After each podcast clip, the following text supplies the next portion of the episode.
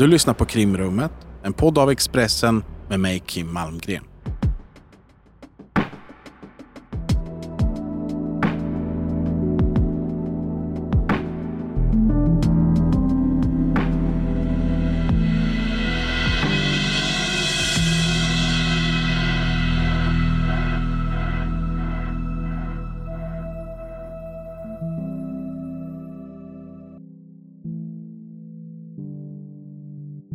Långt ute i Stockholms skärgård ligger en fastighet med sjötomt. Huset är målat i klassisk röd färg med vita knutar och stora fönster. På bryggan står en badtunna med intilliggande bastu och bakom knuten mot skogen finns en tennisbana. Det är en bild av den svenska idyllen. Men vem äger egentligen huset? Det är en fråga som inte är helt lätt att svara på. Eller som åtminstone inte är helt lätt att leda i bevis. Fastigheten ägs av ett bolag som i sin tur ägs av ett bolag på Jungfruöarna. Men spåren de leder till en amerikansk miljardär med en minst sagt färgstark historia. Efter att ha gjort sig en förmögenhet på fastigheter och gruvor i länder som Ryssland och Kongo så hamnade Preston Haskell i Stockholm de senaste åren har inte bara präglats av affärer utan även av vidlyftiga kändisfester. En dyrköpt skilsmässa från en belarusisk ex-modell och en oförtruten ovilja av att betala skatt. Idag jagas Preston Haskell av Kronofogden. Han är en av dem som är skyldig svenska staten mest pengar med en skatteskuld på 310 miljoner. I den här podden avhandlar vi oftast historier som är ganska enkla att placera in i brottsfacket. Det kan till exempel handla om mord på kvinnor, eh, skjutningar i gängmiljö. Men på det viset så sticker veckans avsnitt ut. Det finns inga brottsmisstankar. Däremot så har få personer gått så många ronder i svenska domstolar som den amerikanske affärsmannen Preston Haskell. Men där vi i den här podden är vana vid att det är myndigheter som polisen och åklagarmyndigheten som är inblandade så handlar det i detta fall istället om myndigheter som Kronofogden och Skatteverket. Med mig i studion idag har jag min kollega här på Expressen, Leif Brännström. Välkommen till Krimrummet. Tack. Du har förkovrat dig en del i historien kring Preston Haskell. För många så är det här säkert ett nytt namn. Om vi tar det från början. Var kommer han ifrån? Vad, vad vet vi om hans historik? Han kommer ursprungligen från USA och är då son till en väldigt rik fastighetsmagnat, alltså som var stor i fastighetsbranschen och har framförallt uppehållit sig i eh, Florida. Väldigt rik om man använder det uttrycket helt enkelt. Mogul. Mogul, precis ja. Och, eh, Sen har sonen börjat ägna sig åt fastighetsaffärer på lite här och där då, på, på jordklotet. Alltså han, han, har, han föddes med, med, vad säger man, eh, silversked, silversked i mun. Det är väl uttryck som jag sett även används i internationella media kring honom. Att han, han hade en bra ekonomisk start i livet helt enkelt. Verkar ha levt lite jetset-liv jetset-liv minst sagt. Och det liksom dyker upp här rubriker med Madonna och Elton John till exempel och väldigt vidlyftiga fester både på fart, så här lustjakter och liknande eh, på den högre nivån om man säger så, inte någon 7-8 meter utan 20-30 meter och liknande på typen av fartyg. Och det är en, ja, en riktigt, eh, en lirare helt enkelt på den internationella arenan. Närmar sig 60? Ja, 57 år idag eh, och vad mer kan man säga? Du sa att han var amerikan här och det kan man, många vill bli amerikanska medborgare men han har varit tvärtom. Han har avsagt sig sitt amerikanska medborgarskap här av delvis politiska skäl som han uttryckt sig. Men eh, de experter som jag pratar med inom skattevärlden säger att han avsagt sig för att han vill inte bli jagad av den amerikanska skattemyndigheten eh, som så obegränsat skatteskyldig i USA. För då betyder det att då är man verkligen jagad. Nu på Storytel. Försvarsadvokaten Lydia Levander får chansen att lösa sitt största fall genom att försvara en misstänkt mördare. Hur långt är hon och kollegorna på advokatbyrån Pegasus beredda att gå? Fallet Mikaela. En ny deckare från succéförfattaren Anna Bågstam. Lyssna nu på Storytel.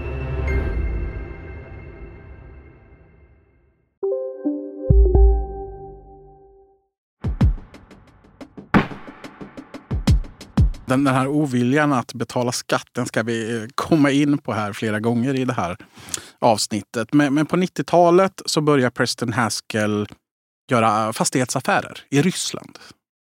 Ja, han kom ju in i en tid då när eh, Sovjetimperiet hade fallit och eh, bosatte sig då i Moskva. Så det var ju jungfrulemark att, eh, att börja i fastighetsbranschen. Först började grann faktiskt i restaurangbranschen i Moskva. Varför gjorde han det vet jag inte riktigt. Men han gick över till fastighetsbranschen och det var ju som ett imperium som hade fallit samman sakta men säkert. Och, så jag tror det fanns väldigt goda möjligheter att göra sig mycket business där tillsammans med ryska affärskollegor. En tid när många blev väldigt rika. Precis.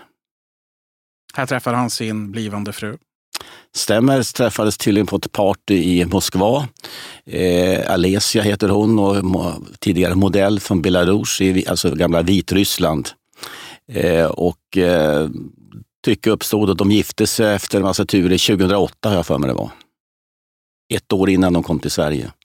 Han har som du säger avsagt sig sitt eh, amerikanska medborgarskap. Men det är, det är, inte så att han är statslös utan han hittar ett annat medborgarskap där. Absolut att han har gjort detta. Utan han är inte statslös. Han då eh, hittar då vägarna till en ö i eh, Karibien helt enkelt. Eh, som han, där han då blev eh, medborgare och det är ett typiskt skatteparadis helt enkelt. Där hamnade han helt enkelt eh, då medborgarskapsmässigt. Stolt medborgare i östaten St. Kitts and Nevis. Som Precis.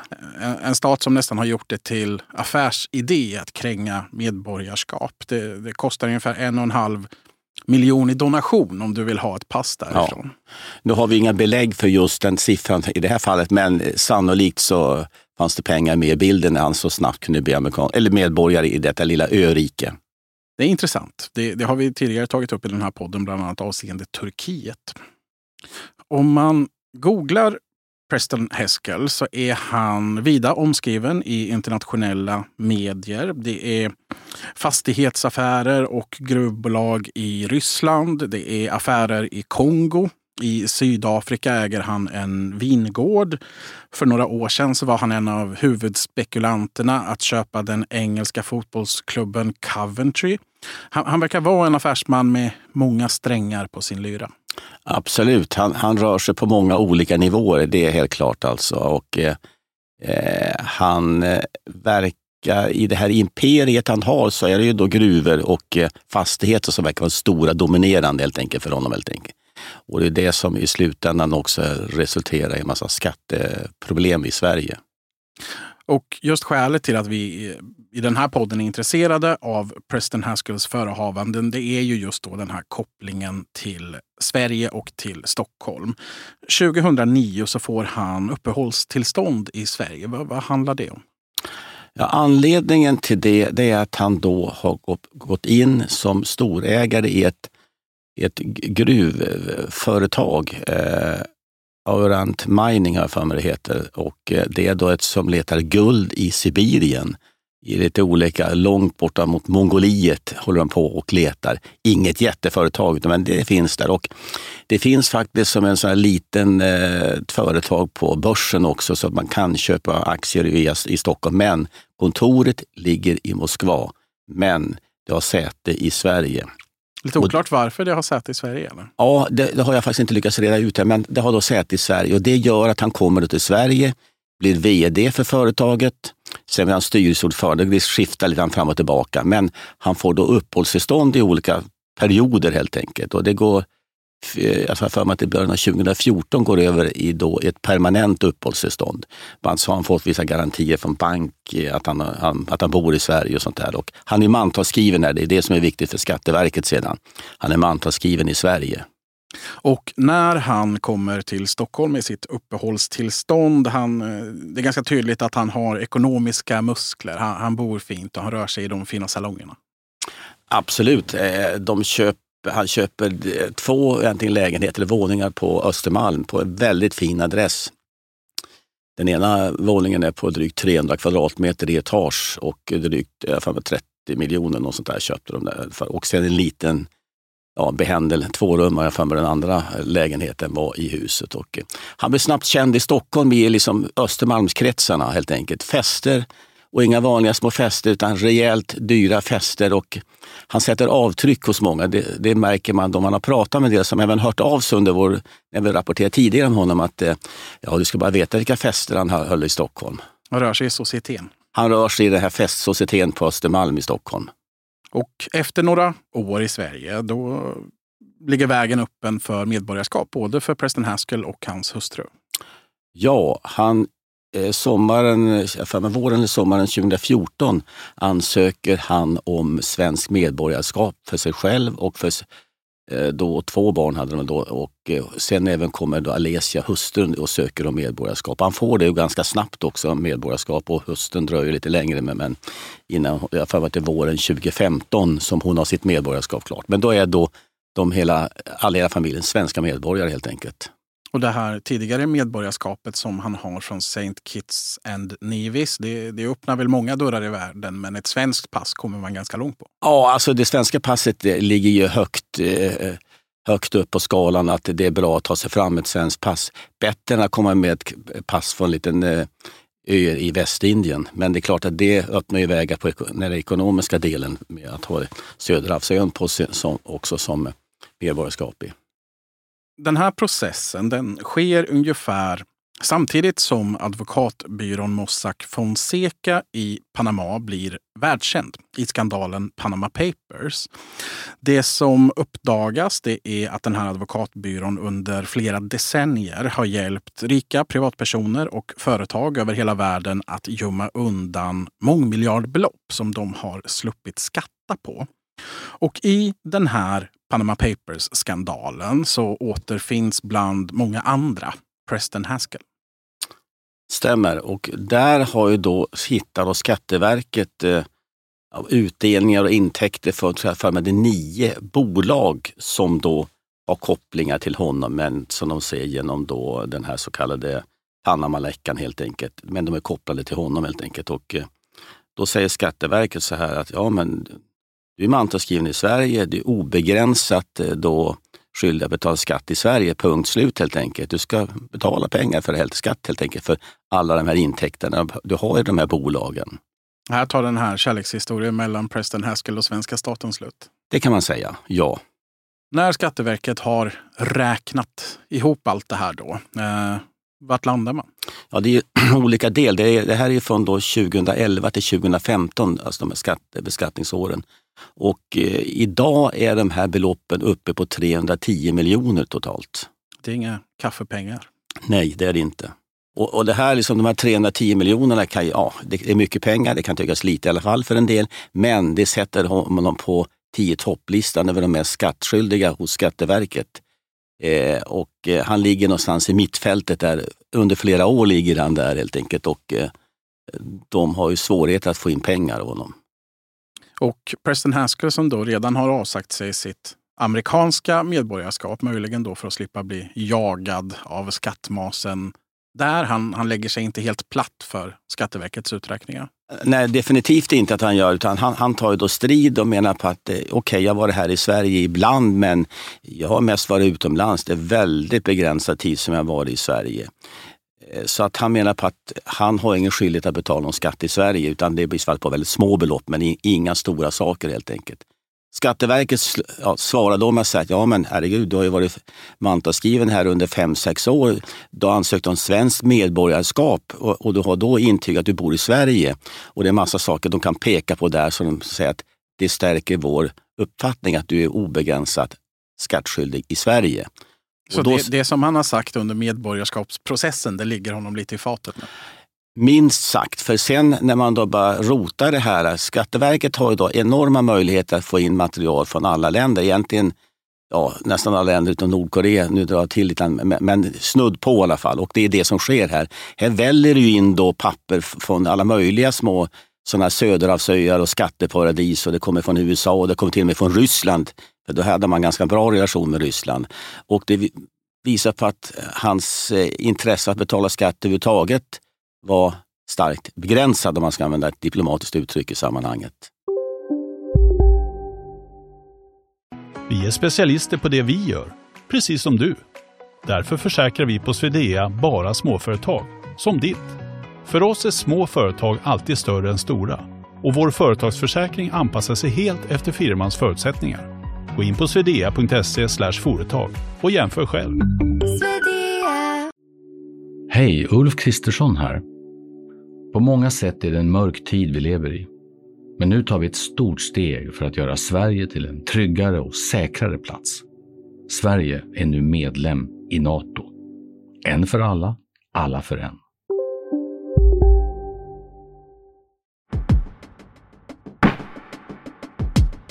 Preston Haskell, han, han, går de här turerna då mot Skatteverket. Eh, hur slutar det här? Ja, de här turerna som man då går mot Skatteverket i då olika domstolar här, det är ju då förvaltningsrätten och kammarrätten. Det går ju inte bra för honom helt enkelt utan i princip förlorar han. Det är några små grejer han kanske vinner men i, han förlorar i alla fall kan man säga då matchen mot Skatteverket och eh, blir då ja, skattskyldig för drygt 300 miljoner i början. Sen tickar det på. Det är ju räntor som tillkommer sen när det väl finns lagakraftvunna domar helt enkelt. Och när de här skattekraven ställs på Preston Haskell, då har han redan lämnat Sverige och istället bosatt sig i Storbritannien. Där tar äktenskapet med den här belarusiska ex-modellen slut och det blir en ganska infekterad och omskriven skilsmässa.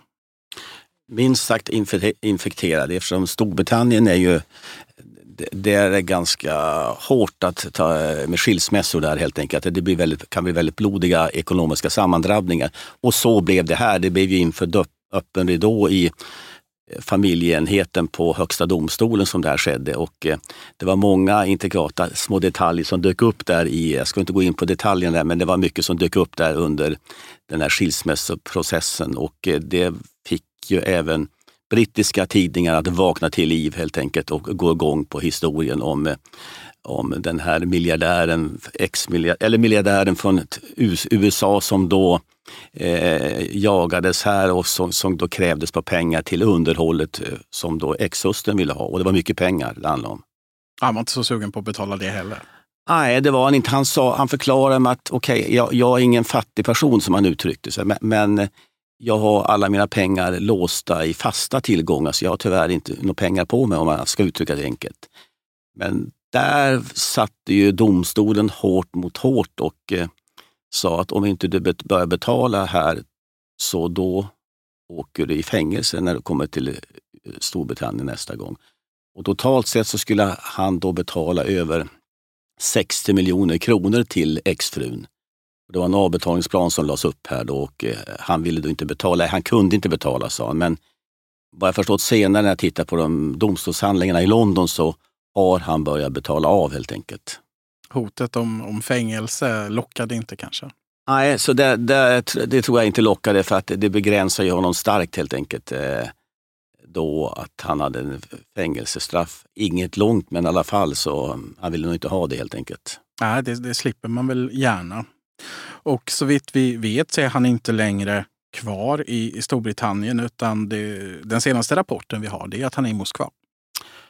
Ja, att han bor där det verkar stå utom allt tvivel och det sista eller senaste riktiga beviset för hans vistelse i Moskva det är faktiskt en bild tagen nu våren 2023 eh, när då Skatteverket har begärt förlängning av då en skuld. Helt enkelt. Det är 58 miljoner kronor som man vill förlänga ytterligare fem år att kunna, så att Kronofogden kan driva in i den totala skulden på över 310 miljoner idag.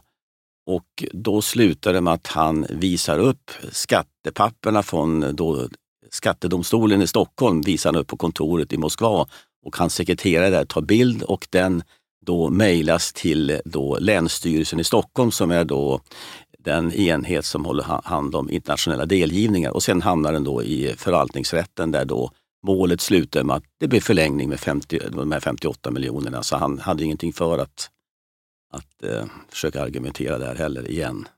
Det är en eh, bild som vi har publicerat. Han står och håller upp både kuvertet och dokumentet och eh, ja, men det är ett litet leende mot kameran. Man Ja, ser det. visst. Och de här pengarna som han är skyldig svenska staten, de har ju Kronofogden då ett uppdrag att driva in. Eh, han själv menar väl att han inte har några tillgångar i Sverige. Precis, han har inga tillgångar säger han i Sverige så att han kan inte betala något. Om, och man har ju inte heller hittat någonting, eller man har idag, just för dagen i alla fall, har man inte några pengar som man kan greppa helt enkelt, eller tillgångar som man kan greppa och säga att nu klipper vi det här till staten. Och då kommer vi återigen till det här röda huset långt ut i Stockholms skärgård där vi inledde det här avsnittet. Det köptes av ett bolag 2009 för knappt 9 miljoner kronor. Två år senare köpte samma bolag även grannfastigheten för ungefär samma summa, lite dyrare. För den här grannfastigheten, där gjorde man en ägarrokad som visade sig bli något av en miss. Ja, vad som hände där var helt enkelt att eh, eh den fastigheten eh, såldes vidare direkt till Preston Haskell personligen. Så att han stod då som lagfaren ägare till den fastigheten. Eh, och eh, då klippte Kronofogden till. Och vad gjorde man då? Jo, man såg att här, här har Preston Haskell en tillgång i Sverige.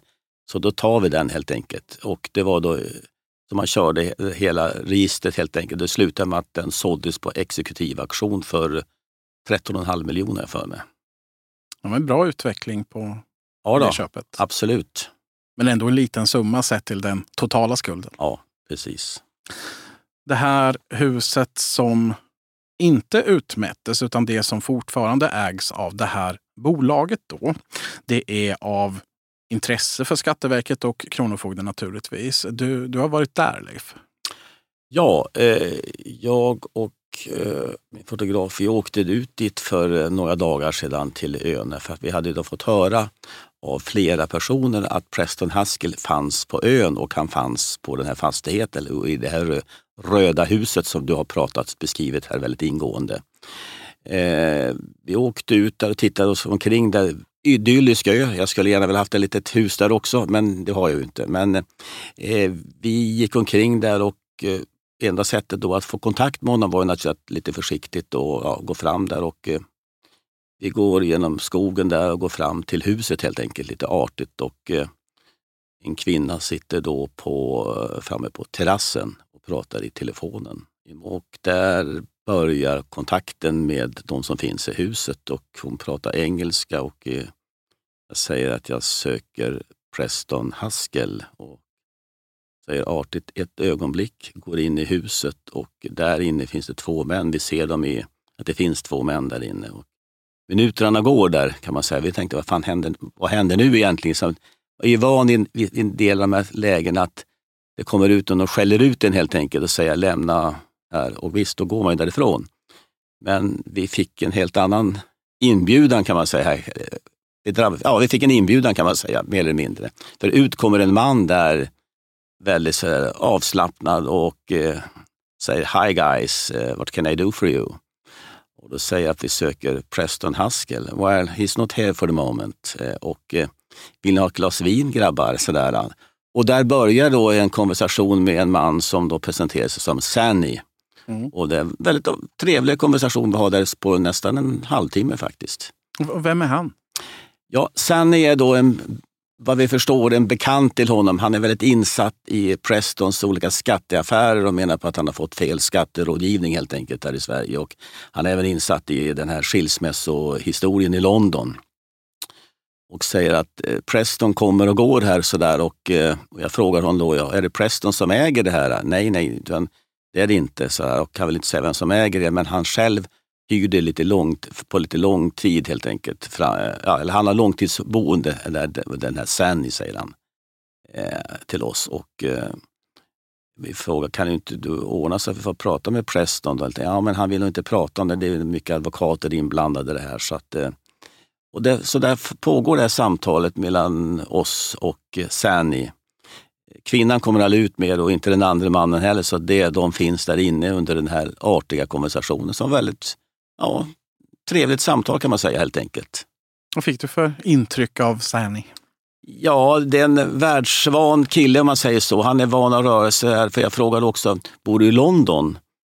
Nej, I'm living around the world, som han uttryckte det. Och jag tror inte att det var något eh, skämt eller att han drev med oss, tvärtom. Utan det är en kille som bor lite här och där på jordklotet och som har mycket pengar. Det är den bild som jag fick av honom. Samma jetset-liv som Preston Haskell kanske? Ja, absolut. Jag funderar på det. Nu är det ju det är krig. Så vitt vi vet det är Preston Haskell i Moskva. V vad har Skatteverket och Kronofogden egentligen för möjlighet att kräva in de här pengarna förutsatt att han har dem någon annanstans?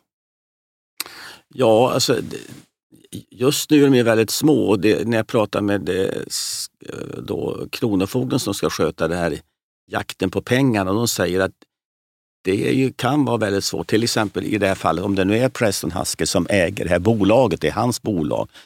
Och kan eh, Kronofogden bevisa detta, då skulle man kunna ta den här på, på utmätning och, och sen driva in den helt enkelt. Men som flera av mina källor på den så kallade specialindrivningen hos Kronofogdemyndigheten som har de svåra ärendena, de säger att det är väldigt svårt att bevisa eh, ett ägarskap i ett sånt här fall. Eh, så att eh, vad som kommer hända med den här fastigheten där ute, om de lyckas bevisa att det, ska, att det är verkligen han som äger den personligen eller inte, det återstår att se. Men jag tror att det blir, jag förstått så blir det en förnyad eh, jakt på pengar. Man trappar upp eh, ja, jakten helt enkelt för att försöka hitta in, få in pengar från dem. Så då finns det egentligen ingenting som man kan göra från svenska myndigheters sida? Nej, alltså om man tittar på den här också.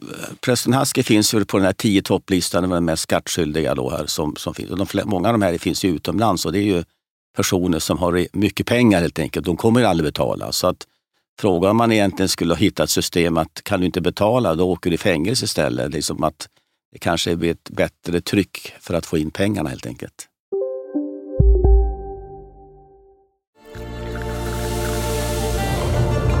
Välkommen till Maccafé på utvalda McDonalds restauranger med Baristakaffe till rimligt pris.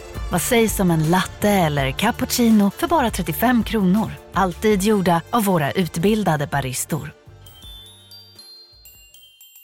Hej, Synoptik här. Hos oss får du hjälp med att ta hand om din ögonhälsa. Med vår synundersökning kan vi upptäcka både synförändringar och tecken på vanliga ögonsjukdomar. Boka tid på synoptik.se.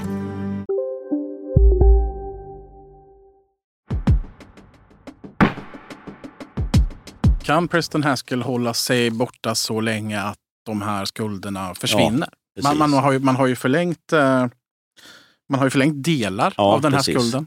Vad finns det för möjligheter? Ja, så, eh, om man bara ser till att han inte är synlig med några, några, pengar i Sverige eller tillgångar i Sverige så rullar det här på och eh, en dag blir det här avskrivet helt enkelt. Och det, jag är lite osäker, det är olika delar det här, det är olika beskattningsår. Så att, eh, men det här rullar på så att han kommer vara fri från skulder här om, säg tio år.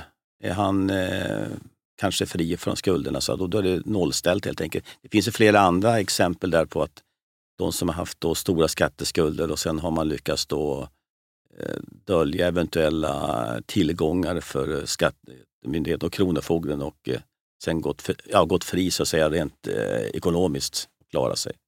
Vi får se om eh, Preston Haskell kommer att bidra till den svenska eh, skattkistan här framöver. Tack så mycket Leif Brännström för att du ville vara med i krimrummet. Tack. Om du som lyssnar har frågor, synpunkter, nyhetstips är du som alltid välkommen att höra av dig till mig på kim.malmgren.expressen.se. Ett nytt avsnitt av Krimrummet kommer nästa vecka. Lyssna då.